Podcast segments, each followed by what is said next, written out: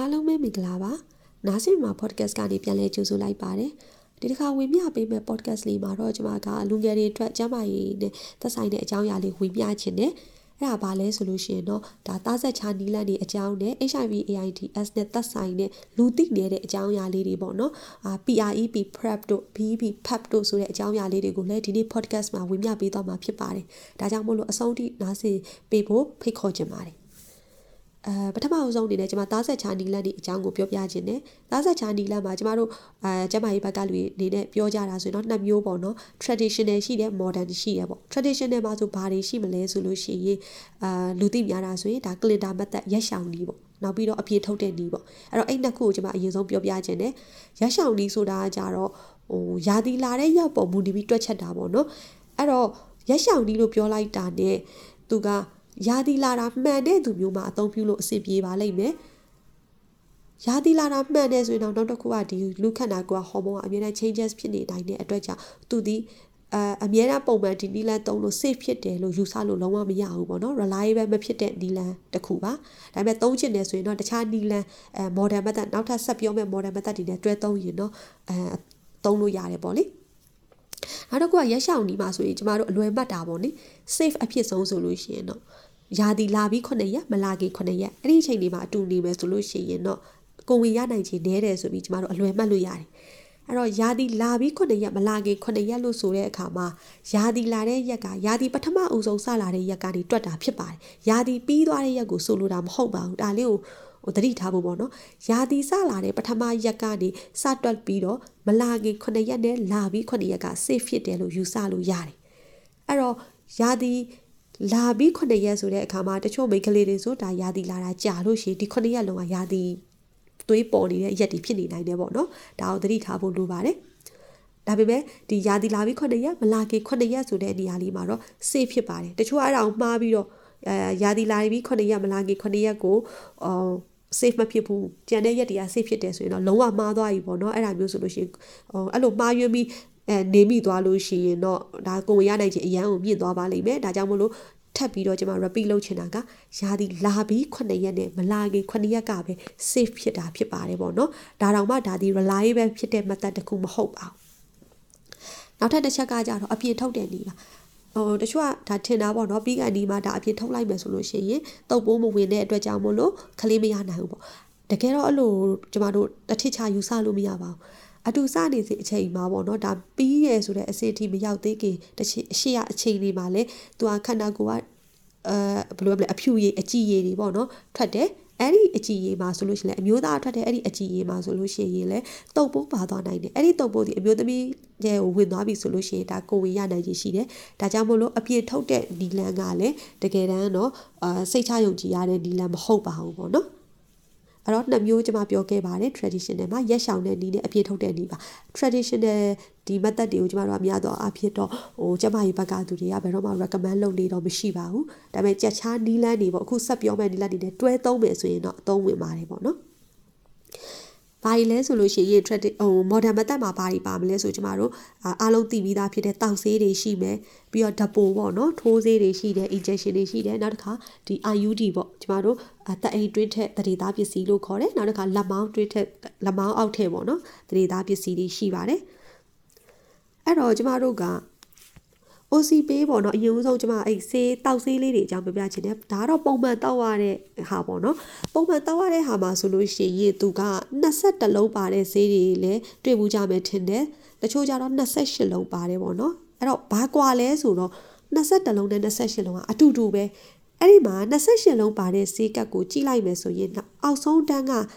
တခြားအယောင်တယောင်ဖြစ်နေတာတွေ့ရလိမ့်မယ် ဆေးအပေါ်သုံးတန်းအယောင်တူတယ်နောက်ဆုံးတစ်ထန်းဒီအယောင်ကွဲနေလိမ့်မယ်အမြဲတမ်းလို့လို့28လုံးပါတဲ့ဆေးတွေတိုင်းမှာနောက်ဆုံးဆေးဒီနောက်ဆုံးတစ်ထန်းဒီအယောင်ကွဲနေပါလိမ့်မယ်မတူဘူးပေါ့နော်အဲ့ဒီခုနှစ်လုံးဒီတကယ်တမ်းကျတော့တတိတားတဲ့ effect ထည့်ထားတဲ့ဟော်မုန်းထည့်ထားတဲ့ဆေးလုံးတွေမဟုတ်ပါဘူးတန်တက်ထည့်ထားတဲ့အားဖြည့်ဆေးပါပဲအမျိုးသမီးတွေအဲ့ဒီအတန်းကိုတောက်နေတဲ့အချိန်မှာယာတီလာပါတယ်ယာတီလာတဲ့အခါအမျိုးသမီးတွေကတန်တက်တွေကုံဆုံးတယ်အဲ့ဒီအတွက်ကြောင့်တန်တက်အားဖြည့်ဆေးထည့်ပေးထားတာဖြစ်ပါတယ်အဲ့တော့ ဟိုဟာ22လုံးပဲပါတာဒီအဲ့ဒီတန်တဲ့အားဖြည့်စီကိုအတွက်မထည့်ထားပေးတာပေါ့လေအဲ28လုံးကတော့အဲ့ဒီတန်တဲ့အားဖြည့်စီအတွက်ပါထည့်ပေးထားတာပါအထူးသဖြင့်အဲဒီခုနှစ်ရက်အတွင်းမှာမတောက်ဖြစ်တဲ့အခါမှာစေးတောက်ဖို့မေ့သွားမှာလဲဆိုတဲ့အတွက်အလေးအကျင့်ဖြစ်အောင်လည်းပါတယ်ပေါ့နော်ဒါ28လုံးတစ်ခါလေးလုပ်ပေးထားတာပါအဲ့ဒီပုံစံနဲ့သွားပါတယ်အဲ့တော့အဲ့ဒီတောက်ဆေးတွေမှာကလည်းသူကဟော်မုန်းဟာတစ်မျိုးတည်းပါတဲ့ဆေးတွေရှိသလိုဟော်မုန်းတစ်မျိုးပါတဲ့ဆေးရှိတယ် အဲ့အသေးစိတ်ကွာခြားမှုကတော့ကျွန်မဒီ podcast မှာမပြောသွားတော့ဘာလို့ဆိုရှုပ်သွားတာပဲရှိမယ်ပေါ့နော်ဘာမှတိတ်ပြီးတော့ဟို medical fee မဟုတ်လို့ရှိရင်ဒါအများကြီးလဲမှတ်ဖို့အဆင်မပြေပါဆိုလို့လေဒီ podcast လေးမှာတော့ကျွန်မခြံခဲ့လိုက်ပါတယ်ဒါပေမဲ့ကိုကအာတောက်ဆေးကတစ်ခုတောက်လိုက်လို့ကိုယ့်အတွက်အဆင်မပြေဘူး side effect တွေခံစားနေရတယ်ဆိုလို့ရှိရင်အဲကိုယ့်ရဲ့ဒီကျမရေးနယ်ပယ်ရသူတွေနဲ့ပေါ့နော်တိုင်ပင်ပြီးတော့ဟိုကိုယ့်ရဲ့တောက်ဆေးကိုပြောင်းလိုက်လို့ရတယ်ပေါ့နော်တခါတလေဟော်မုန်း တစ်မျိုးပါတာနဲ့နှစ်မျိုးပါတာနဲ့မတည့်တဲ့သူကသူနဲ့မတည့်တဲ့ဟော်မုန်းလေးကိုဖြုတ်ထားတယ်နောက်ထပ်ဟော်မုန်းတစ်မျိုးတည်းပါတဲ့ဆေးတောက်လိုက်လို့ရှိရင်အဆင်ပြေသွားတာရှိတတ်တယ်အဲ့တော့ဟိုနီးစက်ရကျမကြီးပညာရှင်နဲ့တိုင်ပင်ပြီးတော့ဗောလေဟိုကိုရဲ့ကိုနဲ့တစ်တော်တဲ့တောက်ဆေးကိုရွေးချယ်နိုင်ပါတယ်အဲ့တော့ OCP တောက်တာကလေအဲတောက်တဲ့အကြောင်းလေးနည်းနည်းထပ်ပြောရမယ်ဆိုရင် तू ကပုံမှန်အချိန်မှတောက်ဖို့တော့လိုတယ်ဥပမာအဖြစ်ည၈နာရီတောက်နေကြလူကနေ့စဉ်ည၈နာရီကိုအလန်းပေးပြီးတောက်တာကပို့ပြီးတော့ထိရောက်ပါတယ် ဟိုနေ့စဉ်တောက်တယ်ဆိုပြီးတော့ဟိုချိန်တောက်လိုက်ဒီချိန်တောက်လိုက်ဆိုရင်တော့အဆင်မပြေဘူး तू အချိန်မှန်ဖို့တော့လိုပါတယ်အဲအဲ့ဒီနေရာမှာ OCP တောက်လို့ကိုကအဲတရက်မေ့သွားတယ်ဆိုဘယ်လိုလုပ်မလဲဆိုတာလေးအဲနှစ်ရက်မေ့သွားတယ်ဆိုဘယ်လိုလုပ်မလဲအဲ့ဒါလေးအကြောင်းကျွန်မဆက်ပြောပြပါမယ်ကိုက၈နာရီတောက်နေကြဒါပေမဲ့ဒီနေ့ည၈နာအာမနေ့ည၈နာရီမှာကိုကတောက်ဖို့မေ့ခဲ့တယ်ဒီနေ့မှသတိရတယ်ဒီမနေ့မှကိုကသတိရတယ်ပေါ့နော်အဲ့လိုဆိုသတိရတာနဲ့အဲ့ဒီတလုံးကိုကိုမေ့ခဲ့တဲ့တလုံးမြ мян တောက်လိုက်ပါ တောက်ပြီးွားလို့ရှိရင်ကိုအဲ့ဒီနေ့ည၈နာရီမှာကိုပုံမှန်တောက်နေကြအချိန်မှာပေါ့နော်နောက်တလုံးထပ်တောက်ပါပြောချင်တာကတနေ့တည်းမှာကိုကနှလုံးတောက်တယ်လို့တော့ဖြစ်သွားလိမ့်မယ်အဆင်ပြေပါတယ်အဲ့ဒီအတိုင်းဆက်တောက်ပါနောက်ရက်မှာဆိုလို့ရှိရင်တော့ကိုတောက်နေကြအချိန်မှာတလုံးပုံမှန်ဆက်တောက်သွားပါအဲ့တော့မေ့ခဲ့တဲ့အလုံးကိုသတိရရခြင်းမှာကိုကတောက်ဖို့လိုတယ်အဲ့ဒီညမှာလည်းပုံမှန်တောက်ဖို့လိုပါတယ်အဲ့တော့အဲ့ဒီမေ့ခဲ့တဲ့ရက်ပြီးသွားရင်တော့နှလုံးတောက်ပြီးတော့ကြံတဲ့ရက်ဒီမှာတော့တစ်လုံးစီဆက်တောက်သွားဖို့ပဲလိုတယ်ပုံမှန်ပဲပေါ့နော်ကြံတဲ့ရက်ဒီမှာတော့ အာကျမပြောတာသဘောပေါက်မယ်နဲ့တူတယ်နော်ပထမအဆုံးမေ့သွားပြီဆိုလို့ရှိရင်အဲသတိရရချင်းအဲ့ဒီနေ့မှာပဲတစ်လုံးတောက်လိုက်ပါပြီးအဲ့ဒီနေ့ညမှာဆက်တောက်ပါပေါ့နော်အဲ့တော့အဲ့ဒီတစ်ရက်မှာတော့နှစ်လုံးဖြစ်သွားမယ်ကြံတဲ့ရက်တွေကပုံမှန်တောက်ယုံပဲပေါ့နော်အဲ့ဒါလေးကိုသတိထားပေးပါဒုတိယတစ်ချက်ကတော့တချို့တွေကလေနှလုံးသုံးလုံးမေ့သွားပြီဆိုဘယ်လိုလုပ်မလဲဆိုတာရှိတယ်။အဲ့တော့နှလုံးမေ့ပြီဆိုရင်တော့ကိုကနှစ်ရက်ကြာမေ့သွားခဲ့တယ်ပေါ့။တနေ့ကလည်းမတောက်ဘူးမနေ့ကလည်းမတောက်ဘူးကိုက ဒီနေ့မှသတိရတယ်ဆိုရင်တော့သတိရရချင်းတစ်လုံးကိုအမြန်တောက်လိုက်ပါတောက်ပြီးရင်အဲ့ဒီနေ့ညကိုတောက်နေကြအချိန်၈နာရီတောက်ရင်၈နာရီမှပြန်ပြီးနောက်ထပ်တစ်လုံးတောက်ပါအဲ့လိုပဲခုနကပြောခဲ့သလိုပဲဒီဟာမှာလည်းတရက်တည်းနဲ့နှလုံးဖြစ်သွားလိမ့်မယ်ပေါ့လေဒါပေမဲ့ဒီမှာပို့ပြီးထပ်လောက်ရမယ်ထပ်ဆောင်းလောက်ရမယ်အခြေအနေကကြတော့အဲ့ဒီနေ့ကနေစပြီးနောက်ထပ်9ရက်အတွင်းမှာပေါ့နော်ကိုတတိယလို့ကိုတောက်လိုက်တဲ့နေ့ကနေစပြီးနောက်ထပ်9ရက်အတွင်းမှာဖြစ်နိုင်မယ်ဆိုလို့ရှိရင်တော့ ဟိုကိုတော့ဟိုအတူမနေဖို့စဉ်းစားအတူမနေသေးဘူးပေါ့နော်ဒါပေမဲ့မရှောင်နိုင်ဘူးဆိုလို့ရှိရင်တော့ကိုတော့သုံးဖို့လိုပါတယ်တကယ်လို့သုံးလုံးနဲ့ထပ်မိသွားပြီဆိုလို့ရှိရင်တော့တက်နိုင်မယ်ဆိုလို့ရှိရင်နီးစရာကျမကြီးပညာရှင်နဲ့အမြန်ဆုံးအန်ဆွေးနွေးပြီးတော့ဒါလှုပ်တင်တယ်ပေါ့နော်ပြီးတော့အဲ့ဒီရက်တွေအတွင်းမှာကိုကအတူနေဖြစ်ခဲ့တယ်ဆိုရင်တော့စီးစစ်တာကြီးပါကြီးလှုပ်အောင်ပါဆိုတော့လေဟိုကိုကကျမကြီး ဒီဆရာဝန်နဲ့ပဲဖြစ်ဖြစ်ပေါ့နော်ဒီအတွက်အကြံပေးနိုင်တဲ့ဈေးကန့်တွေ NGO လိုဈေးကန့်တွေမှာပဲအမြန်တာဖုန်းဆက်ပြီးဆွေးနေတာပဲဖြစ်ဆွေးနွေးပြီးတော့စီးစစ်တာတွေပါလေလုံတင်ပါတယ်ဒါသုံးလုံးနဲ့အထက်မိသွားတဲ့သူတွေအတွက်ဆိုရင်ပေါ့နော်အဲ့တော့အာပြန်ပြောရမယ်ဆိုလို့ရှိရင်အဲတလုံးမေးတဲ့သူကမိမိတတိယရချင်းတလုံးတော့အဲ့ဒီညမှာလည်းနောက်ထပ်တလုံးတော့ပြီးနောက်ရက်တည်းကပုံမှန်အတိုင်းပဲသူ့မှာတော့ဟိုကိုတုံသုံးစရာအခြေအနေမလိုသေးဘူးပေါ့လေဒါပေမဲ့နှလုံးမေးသွားပြီဆိုလို့ရှိရင်เนาะ အဲ့ဒီနေ့တရက်မှာပဲဆေးရတော့နှလုံးဖြစ်သွားလိမ့်မယ်ပြီးလို့ရှိရင်အဲ့ဒီနေ့အစားပြီးတော့နောက်တစ်ပတ်အတွင်းမှာဒါကျမတို့အတူမနေသင့်ဘူးအတူနေမယ်ဆိုလို့ရှိရင်ကွန်ဒုံသုံးဖို့လိုတယ်သုံးလုံးနဲ့အထက်မိသွားပြီဆိုလို့ရှိရင်တော့နီးစရာကျမရေးပညာရှင်နဲ့တိုင်ပင်ပြီးတော့လိုအပ်တာတွေလှုပ်ဆောင်သင့်ပါတယ်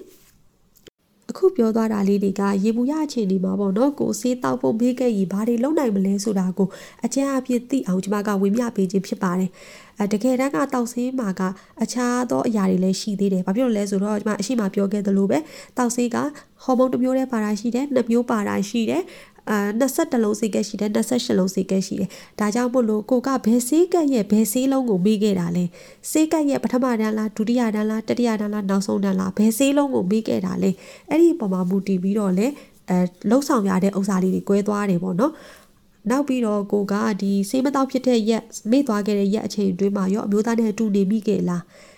အဲ့ဒီ body မှာကျမတို့ကအားလုံးခြုံငုံစဉ်းစားပြီးတော့ဘာတွေဆက်လုပ်ရမလဲဆိုတာကိုဆုံးဖြတ်ရတာဖြစ်ပါတယ်ဒါကြောင့်မို့လို့ကိုကစေးတောက်ဖို့မေ့ခဲ့တယ်အထူးသဖြင့်စေးတောက်ဖို့နှလုံးနဲ့နှလုံးအထက်ပေါ့နော်မေ့သွားခဲ့ပြီဆိုရင်တော့အကောင်းဆုံးလုပ်တင်တာကတော့ ကျွမ်းကျင်တဲ့ကျမရေးဝန်ထမ်းနဲ့တိုင်ပင်မှာတိုင်ပင်ပြီးတော့သူတို့ပြောတဲ့အတိုင်းလိုက်နာဆောင်ရွက်ပါအဲ့ဒါကတော့တတိတားဖို့အတွက်ကိုဝင်မရဖို့အတွက်အထီးရောက်ဆုံးဖြစ်မှာပါမဟုတ်လို့ကိုဘာသာကိုလုံးလိုက်ပြီးလို့ရှိရင်တချို့သောဖြစ်ရက်တွေမှာဖြစ်စဉ်တွေမှာဆိုလို့ရှိရင်အဲမမျော်လင့်ပဲပေါ့နော်ကိုဝင်ရသွားတာမျိုးလဲဒါဖြစ်နိုင်ခြင်းနည်းနည်းရှိတယ်ပေါ့နော်ဒါကြောင့်မို့လို့အဲကျွမ်းကျင်တဲ့ကျမရေးဝန်ထမ်းနဲ့တိုင်ပင်ဆွေးနွေးပြီးတော့ဆေးဆက်တော့မလားတခြားဘာတွေထပ်လုပ်ဖို့လိုမလဲဆိုတာကိုသူတို့ပြောတဲ့အတိုင်းလုပ်တာကတော့အမှန်ကန်ဆုံးဖြစ်ပါတယ် ဒါ OCP ရဲ့အဲသုံးပြရတဲ့နီလန်လေးပေါ့နိနောက်တစ်ချက်ကကြတော့ depot injection ပေါ့နော် depot ကကြတော့ရှင်းပါတယ်ဘာလို့ဆိုတော့သူကဆေးထိုးရတာဖြစ်တဲ့အတွက်ဆရာဝန်စီမှာဆေးသွားထိုးဖို့လိုတယ်၃လတစ်ခါပေါ့နော်ဆေးပုံမှန်ထိုးနေဖို့လိုပါတယ်သူရဲ့ side effect ကလည်းခုနကတောက်ဆေးအတိုင်းလိုပဲရှိလိမ့်မယ်ပြီးတော့ဒါမှာကဟိုဟိုပေါ့နော် သူကတော့ dose များသွားတဲ့အတွက်တချို့တွေကတော့ဒါအဆင်မပြေတာမျိုးတွေဖြစ်လာတယ်ဆိုလို့ရှိရင်တော့ဆရာဝန်နဲ့တိုင်ပင်ပြီးတော့တခြားနီလန့်ကိုပြောင်းတာပဲဖြစ်ဖြစ်လုပ်တင်တယ်ပေါ့နော်ပြီးတော့၃လတစ်ချိန်ကိုမမေ့ပဲနဲ့အဲထိုးဖို့လဲစိတ်ထိုးဖို့လိုအပ်ပါတယ်နောက်ပြီးတော့ ထပ်ပြောချင်တာကတော့ဒါကျမတို့ implant ပေါ့နော် implant ကကြတော့သူကလက်မောင်းအောက်ထက်သတိထားပစ္စည်းပေါ့ဒါက advance ဖြစ်တဲ့နည်းပညာလို့လည်းပြောလို့ရသလိုဒါနိုင်ငံတကာမှာဆိုရင်တော့လူကြိုက်အများဆုံးနီလန်းလို့လည်းဆိုလို့ရပါတယ်အခုဆိုမြန်မာနိုင်ငံမှာတော့မှလူကြိုက်အများဆုံးဖြစ်လာတယ်လို့ကျမတို့တချို့ဒါသူတေသနာ informal သူတေသနာလေးတွေလောက်ထားတာနေကျမတို့တစင်သိရတယ်ပေါ့နော်အဲဒီ implant ကကြတော့လက်မောင်းအောက်ထက်တာဖြစ်တဲ့အတွက်သူကအာတတောက်တတလေးရှိတယ်ကိုယ့်အတွက်ဒါထည့်ထားလို့ဆိုပြီးတော့ဘာမှတတိပပ ခံစားရတာမျိုးမရှိဘူးပေါ့နော်အလုတ်ကျန်းလုပ်တဲ့သူတွေဥမာအုတ်သေးတာတို့ဘာတို့လုပ်တဲ့သူတွေကအစဒီနီလန်ကိုစိတ်ချလက်ချသုံးနိုင်တယ်ပြဿနာမရှိဘူးလမောင်းအောက်ထည့်ထားတဲ့အတွက်ဆိုပြီးတော့ကိုမဘာမှခံစားစရာမရှိဘူးပေါ့နော်ဒါပေမဲ့ထည့်တဲ့အချိန်မှာတော့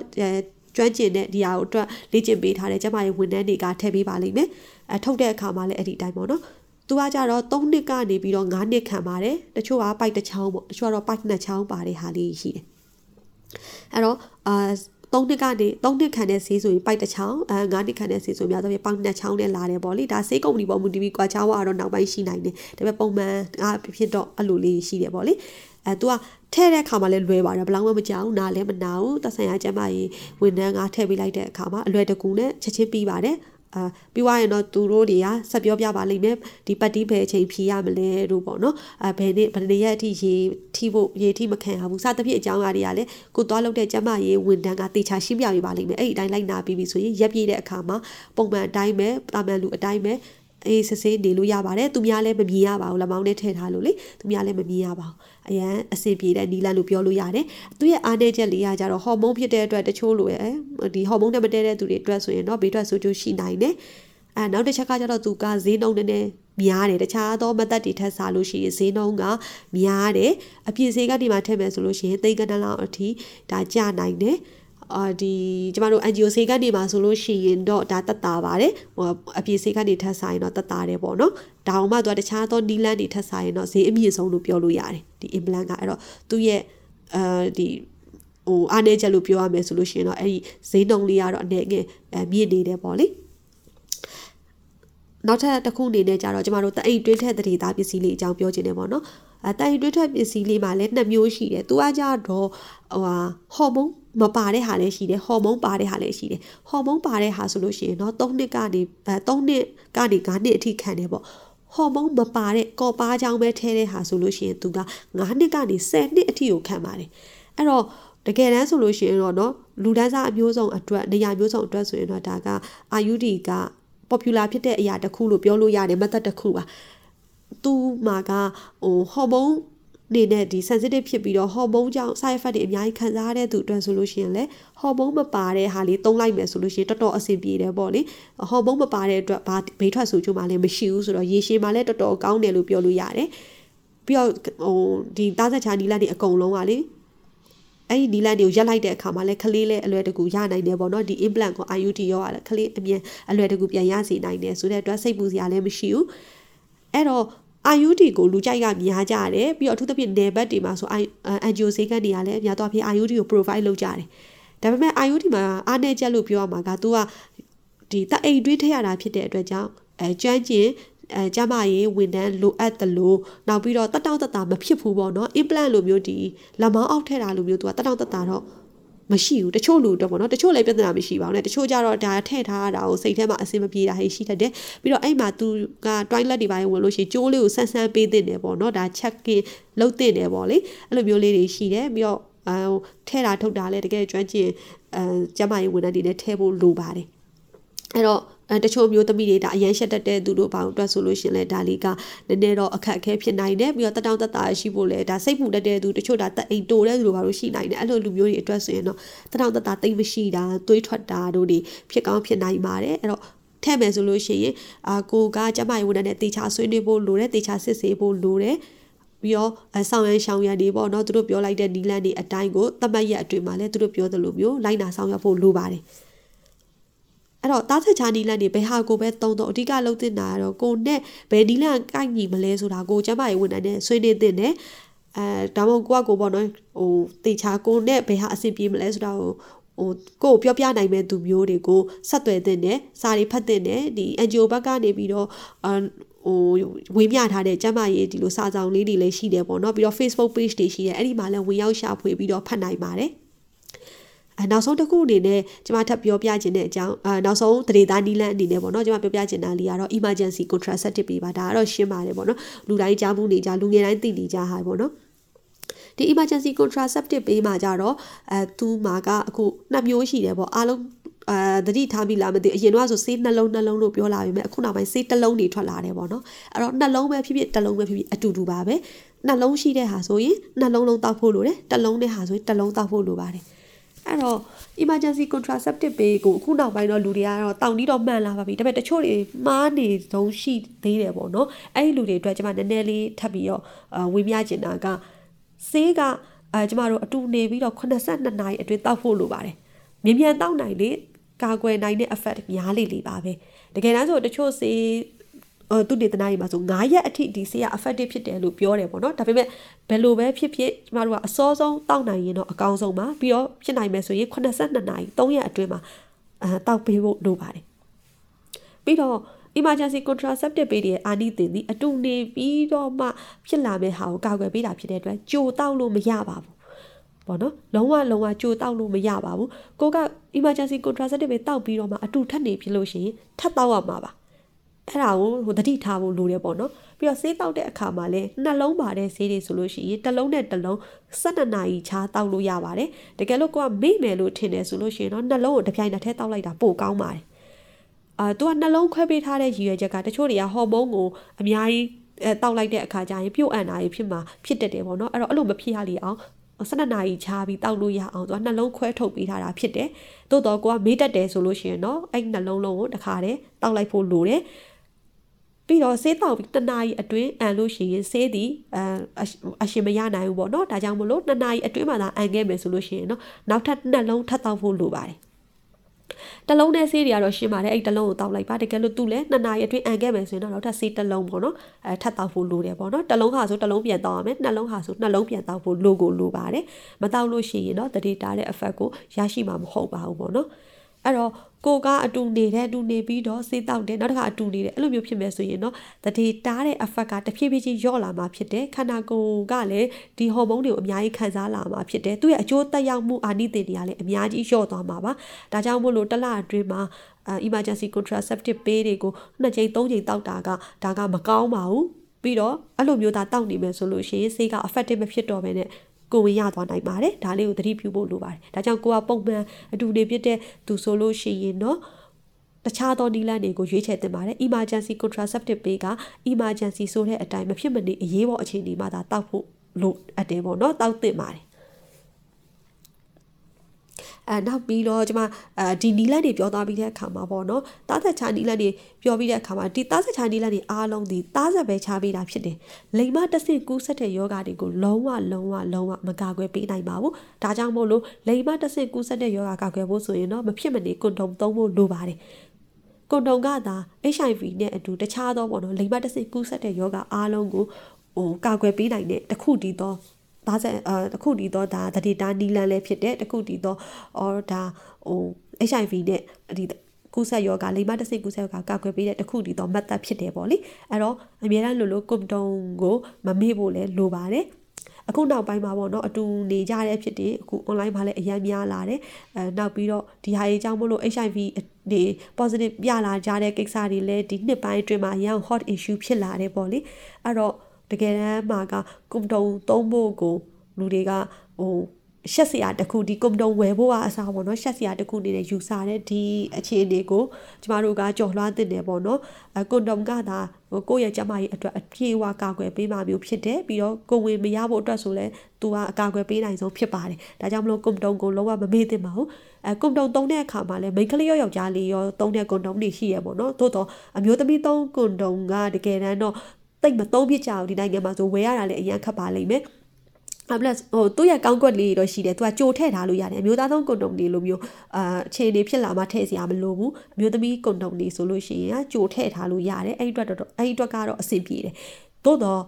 သူ့ရဲ့ဈေးနှုန်းကြီးပြင်းမှုရောဝယ်ရတာခက်ခဲတာရောအသုံးပြုရတာနည်းနည်းအဆင်မပြေဘူးပေါ့နော်အမျိုးသမီးအတွက်တော်တော်များများဒါအတွက် family ရမဖြစ်သေးတဲ့အတွက်ကြောင့်အမျိုးသားကွန်တုံတွေကပဲဈေးကွက်မှာပေါ်ပါတယ်အဲ့တော့အမျိုးသားကွန်တုံတွေအဲသုံး တယောက်ကတမျိုးသုံးရင်အဆင်ပြေပြီပေါ့နော်အမျိုးသမီးရောအမျိုးသားရောသုံးစရာမလိုပါဘူးအဲ့လိုနှစ်ခုသုံးလို့ရှိရင်တော့ပုတ်တိုင်မှုဖြစ်ပြီးတော့သူကပေါက်ပြဲလွယ်တဲ့ဖြစ်တဲ့အတွက်အမျိုးသားရောအမျိုးသမီးရောဟို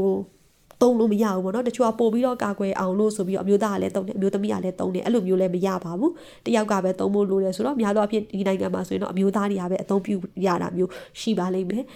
အဲ့တော့ဟိုအမျိုးသားရဲ့အသုံးပြုတဲ့အခါမှာလဲကိုကဟိုပို့ပြီးတေချအောင်ဆိုပြီးနှစ်ထပ်အသုံးပြုတာတို့ဘာလို့လုပ်လို့မရပါဘူးသူကတစ်ထပ်ပဲအသုံးပြုရတာဖြစ်ပါတယ်ပြီးတော့နောက်တစ်ချိန်ပြန်လဲအသုံးပြုလို့လည်းမရဘူးပေါ့နော်ကိုနဲ့အဆင်မပြေဘူးဆိုလို့ရှိရင်လွတ်ပြပြီးအသစ်တစ်ခုဝယ်ယူဖို့လိုတယ်ပေါ့နော်အာအသစ်တစ်ခုအသုံးပြုဖို့လိုတယ်ပေါ့နော်အဲ့လိုရှိပါတယ် အဲ့တော့အာကွန်တုံကတော့ဟိုဒီသားဆက်ချာနီလက်နေအပေါ်ကသားဆက်ချာနီလက်နေအကုန်သုံးနေတယ်ပေါ့နော်ဥမာအဖြစ်တပိုထိုးနေတာပဲဖြစ်ဖြစ်စိတ်တောက်စိတ်တောက်နေတာပဲဖြစ်ဖြစ်ဘလို့အခြေအနေမှာပဲဖြစ်ဖြစ်ကိုကစိတ်မချဘူးဆိုလို့ရှိရင်တော့ဟိုအိမ်အောင်တဲ့တွေကအစားပေါ့နော်ကိုမျိုးသားကိုအာကိစ္စတစ်ခုခုကြောင့်မို့လို့ပဲဖြစ်ဖြစ်ဒါမှမဟုတ်အမျိုးသားမှာကဟိုသူ့မှာ HIV တော့မဟုတ်ဘူးမိမရှုပ်တာတော့မဟုတ်ဘူးတိုးတော်လဲဟို လိမ္မာတစ်စစ်ကူးဆက်တဲ့ယောဂတစ်ခုခုသူ့မှာရှိနေတာပဲဖြစ်ဖြစ်ရှိနေနိုင်တယ်လို့ကိုထင်တာပဲဖြစ်ဖြစ်အဲ့လိုမျိုးအခြေအနေမှာဆိုလို့ရှိရင်ကွန်တုံကိုအာတုံးခိုင်းဖို့လိုပါတယ်အိမ်အောင်တယ်မို့လို့ကွန်တုံတုံးအောင်ဆိုတာလည်းလုံးဝမရှိပါဘူးကွန်တုံကဟိုပေါ့အခုအချိန်ထိမှာဆိုလို့ရှိရင်လည်းကဘာတဝမ်းမှာဒါအရေးအကြီးဆုံးနဲ့ဒါအသုံးအပြုတင်ဆုံးဒါ HIV AIDS အတွက်လည်းအကာအကွယ်ပေးနိုင်တဲ့တခုတည်းသောသားဆက်ချာနီလန် အာမတ်တတစ်ခုဖြစ်တယ်ပေါ့နော်ဒါကြောင့်မဖြစ်မနေသုံးဖို့ထပ်ပြီးတော့ကျွန်မဒီနေရာကနေအာပြောပြခြင်းတယ်ပေါ့နော်အဲ့တော့ဒါတွေပြောပြတဲ့အခါမှာကျမတို့ HIV အကြောင်းလေးနည်းနည်းဒါနောက်ဆုံးပိတ်အနေနဲ့ဝင်မြခြင်းတယ် HIV မှာဆိုလို့ရှိရင်ကျမတို့တွေကလေဟို ART ဆေးတောင်းရတာတော့အခုတော်တော်များများသိလာတယ်ပေါ့နော် ART ဆေးကတော့ဟို HIV ရောဂါပိုးကူးပြီးတဲ့နောက်မှာ AIDS အခြေအနေကိုမရောက်အောင်ပေါ့နော်ပုံမှန်တောက်ရတဲ့ဆေးဖြစ်တယ် ပြီးတော့ HIV လို့ပြောလိုက်တာနဲ့အရင်အဆိုလို့ရှိရင်တော့ HIV ရှိတဲ့လူတွေကိုဒါခွဲခြားဆက်ဆံကြရရှိတယ်အခုကတော့ HIV ကဟိုဆေးတွေလည်းတောက်လာတာဖြစ်တယ်လူတွေလည်းကျန်းမာရေးအသည့်တွေတိုးလာတဲ့အတွက်ကြောင့်မလို့ HIV ရှိတဲ့သူနဲ့မရှိတဲ့သူကတုံတက်ရုံအပြင်းပန်းကြည့်ုံနဲ့လုံးဝလုံးဝမသိနိုင်ဘူးပေါ့နော်သူကိုခံအားကောင်းနေတဲ့ရေလူတယောက်ကပုံမှန်လူအတိုင်းပဲသူကရှိနေမှာဖြစ်တယ်။အဲနောက်ပြီးတော့ကျမတို့ American visa တွေပါဒီမှာဆိုလို့ရှိရင်ဒါ communicable disease ပေါ့နော်။တဲမှာဆိုလို့ရှိရင် HIV ကိုမထည့်ထားပါဘူး။ TB တော့ဘာလို့ရှိနေ American visa ရချင်မှရမယ် HIV ရှိနေရင်တော့ American visa အတွက်ကန့်သက်ထားတဲ့အထက်မှာမပါဘူးပေါ့နော်အာပြောချင်တာက TV ရှိလို့ရှိရင်ကို့အနေနဲ့ဗီဇာမရနိုင်ပေမဲ့ HIV ရှိတဲ့သူကဒီအမေရိကန်ဗီဇာရနိုင်တယ်အဲ့လောက်အထိရှိပါတယ်အဓိကကသူ့ကိုကူးစက်ရောဂါအနေနဲ့မသတ်မှတ်ထားတော့ဘူးပေါ့နော်သူ့ကိုဘာလို့လဲဆိုတော့ control လုပ်နိုင်တယ်လို့ယူဆထားတဲ့အတွက်ကြောင့်ဖြစ်ပါတယ်ဒါကြောင့် HIV ရှိနေတဲ့သူတွေကိုခွဲခြားဆက်ဆံခြင်းမလုပ်ဖို့လဲကျွန်မဒီနေရာကနေပြီးတော့ awareness raising လေးနည်းနည်းလုပ်ချင်တယ်ပေါ့နော် အဲဆက်လက်ပြီးတော့ကျွန်မက HIV ရောဂါပိုးအတွက်ပေါ့နော်တောက်ရတဲ့ဆေးတွေအကြောင်းဝေမျှခြင်းတယ်အဲ ARD ဆေးကတော့အားလုံးကြောင်းမနာဝါဖြစ်နေပြီးသားအတိုင်းပဲ HIV ရနေပြီးတော့ AIDS ရောဂါအဆင့်ကိုမရောက်အောင်ဒါကာကွယ်ပေးတာပေါ့နော်အဲ့တော့ပုံမှန်တောက်ဖို့လိုတယ်ကိုကိုကိုကိုခံကောင်းနေရင်းနဲ့ဒီ ARD ဆေးကိုလည်းပုံမှန်တောက်မယ်ဆိုလို့ရှိရင်တာမန်လူကောင်းတစ်ယောက်လိုအမြဲနေထိုင်နိုင်မှာဖြစ်ပါတယ်အဲနောက်ထပ်ဆေးတွေကတော့လူသိနေတာလေးတွေပေါ့နော်အဲ့ဒါဘာလဲဆိုတော့ PREP နဲ့ PEP ပါ PREP ဆိုတာကကြတော့အာ pre exposure prophylaxis ဖြစ်ပါတယ်သူကဟို HIV ယောဂ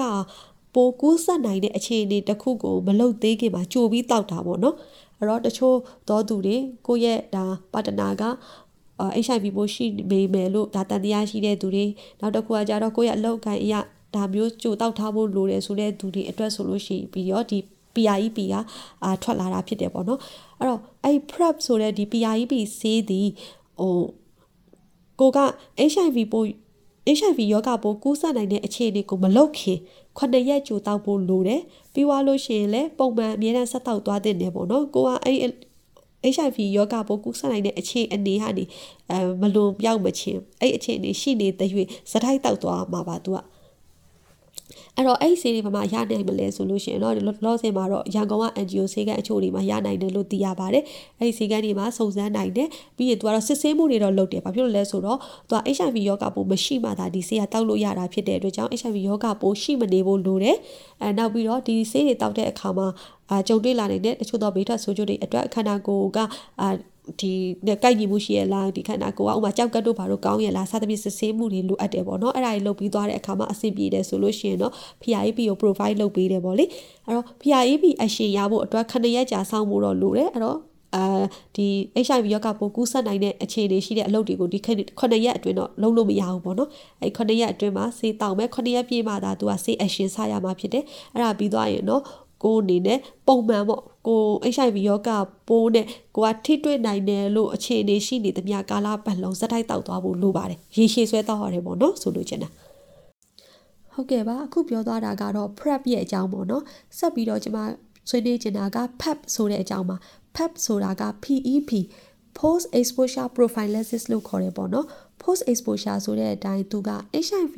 ရောဂါပိုးကူးစက်နိုင်တဲ့အခြေအနေကိုကြုံတွေ့ပြီးတဲ့နောက်မှသာတောက်ရတာဖြစ်ပါတယ်အဲဘယ်လိုပုံစံမျိုးတွေလဲဆိုရင် rape case တွေမျိုးမှာဆိုလို့ရှိရင်ဒါတောက်တိုက်ကြတယ်ပေါ့နော်ဒီအစိုးရဌာနတွေကနေပြီးတစင်ချိတ်ဆက်ပြီးတော့အဲဒါတိုက်ကြတာမျိုးတွေအဲရှိပါတယ်အဲ့တော့ PEP ဆိုတာကကြတော့သူဘယ်လိုသုံးရလဲဆိုလို့ရှိရင် HIV ရောဂါပိုးကူးစက်နိုင်တဲ့အခြေအနေကြုံတွေ့ပြီးသွားရင်သူက82နာရီအတွင်းစောလေတော့ကောင်းလေပေါ့ဒါပေမဲ့82နာရီအတွင်းမှာမဖြစ်မနေ first dose ကိုတောက်ဖို့လိုတယ်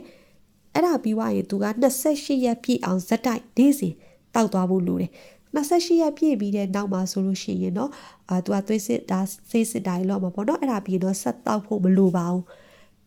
prep နဲ့ဘာကွာလဲဆိုရင် prep ကကြိုတင်ကာကွယ်တဲ့အနေနဲ့တောက်တယ်ပြီးရင်ရေရှည်ဆွဲတောက်ရတဲ့ပုံစံဖြစ်တယ်ပေါ့နော် pub ကကြတော့သူကဖြစ်ပြီးမှတောက်ရတယ်သူ့မှာအရေးကြီးတာက82နာရီအတွင်း first dose ကိုတောက်မှသာဆေးရဲ့ action ကိုရမှာဖြစ်တယ်နောက်ပြီးရင်28ရက်ပြည့်အောင်သူကနေ့စဉ်စက်တိုင်းတောက်သွားဖို့လိုတယ်အဲ့ဒါပြီးရင်တော့ဆက်တောက်စရာမလိုဘူးရေရှည်ဆွဲတောက်စရာမလိုပါဘူးအာ prep do pep do က ဟိုအခု podcast လေးမှာဝင်မြတဲ့အကြောင်းကတော့ဒါ TV ခေါင်းပြီးတဲ့ပါတိသွားရင်အဲမတော်တဆတကယ်လို့ကိုယ့်အတွက်ပဲဖြစ်ဖြစ်တခြားသူတယောက်အတွက်ဖြစ်ဖြစ်လိုအပ်လာတဲ့အခြေအနေမျိုးမှာကျမကြီးဌာနတွေရတော့၎င်းဒီ NGO စေကတ်တွေ၎င်းချိတ်ဆက်ပြီးတော့မင်းမြန်းနိုင်အောင်စုံစမ်းလို့ရအောင်ပေါ့နော်အဲဝင်ပြပေးခြင်းဖြစ်ပါတယ်အဲ့တော့ဟိုထပ်ပြီးတော့အသေးစိတ်သိချင်ရင်တော့ဒီကျမရေးဌာနတွေနဲ့နောက်ပြီးတော့ဒီ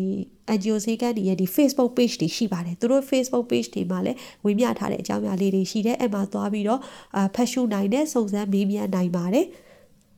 အဲကျမတို့ဒီနေ့ပြောခဲ့တဲ့နေရာမှာဆိုရင် contraceptive အကြောင်းတွေသားဆက်ချာနီလန်တွေ prep တို့ pep တို့အကြောင်းတွေပြောခဲ့တယ်ဒါပေမဲ့အရေးအကြီးဆုံးအနေနဲ့အလွယ်ကူဆုံးနီလန်အနေနဲ့ဆိုရင်ကျမတို့ကကွန်တုံသုံးဖို့ကိုပဲထပ်မံပြီးတိုက်တွန်းချင်ပါတယ်။ဘာကြောင့်လဲဆိုရင်ကွန်တုံသည် သားဆက်ချပေးနိုင်တဲ့ကိုဝင်မရအောင်တားပေးနိုင်ုံသာမကဘူး HIV ယောဂါနဲ့အခြားလိမ်မတဆင့်ကူးစက်တဲ့ယောဂါအကုန်လုံးကိုလည်းကာကွယ်ပေးနိုင်တဲ့တခုတည်းသောနီလန်ဖြစ်တယ်။ဒါကြောင့်မို့လို့သူသည်လွယ်လဲလွယ်ကူတဲ့အကျိုးလဲများတဲ့တခုတည်းသောနီလန်ဖြစ်တယ်ပေါ့နော်ဒါကြောင့်မို့လို့ကုတ်တုံးကိုတုံးကြဖို့အတွက်အဲလူငယ်တွေကြားထဲမှာ အာတယောက်နဲ့တယောက်ပေါ့နော်ဖြန့်ဝေပေးတဲ့ကုံတုံးသုံးတာဒီရှက်စရာမဟုတ်ဘူးကုံတုံးဝယ်တာဒီရှက်စရာမဟုတ်ပါဘူးယောက်ျားလေးရောမိန်းကလေးရောဒီကုံတုံးရဲ့အရေးပါမှုနဲ့အရေးကြီးမှုကိုသိပြီးတော့ရှောင်နိုင်ရင်အဲဒီလိန်တာတစ်လိန်လိန်ဆက်ဆံမှုကိုရှောင်နိုင်ရင်ရှောင်မရှောင်နိုင်ဘူးဆိုလို့ရှိရင်တော့ကုံတုံးကိုအာမဖြစ်မနေသုံးကြဖို့ကိုဒါတိုက်တွန်းချင်ပါတယ် ဒီ podcast လေးကိုအဆုံးအထိနားဆင်ပေးတဲ့အတွက်လည်းကျေးဇူးအများကြီးတင်ပါတယ်ဒီရရတဲ့ information လေးတွေကိုအသက်ဆိုင်နေပေါ့နော်အသိတဲ့သူတွေစီကိုလည်းဖြန့်ဝေပေးဖို့ပြန်ပြီးပြောပြပေးဖို့လည်းကျမတို့က request လုပ်ချင်ပါတယ်မေတ္တာရက်ခံချင်ပါတယ်ပြီးတော့အခုလိုမျိုးအဲနားဆင်ပေးတဲ့နားဆင်မြန်မာ podcast ရဲ့တဦးတစ်ယောက်ချင်းစီကိုလည်းကျေးဇူးတင်ပါတယ်နောက်ထပ် podcast ဒီမှာလည်းပြန်လည်ဆုံတွေ့ကြပါသေးတယ်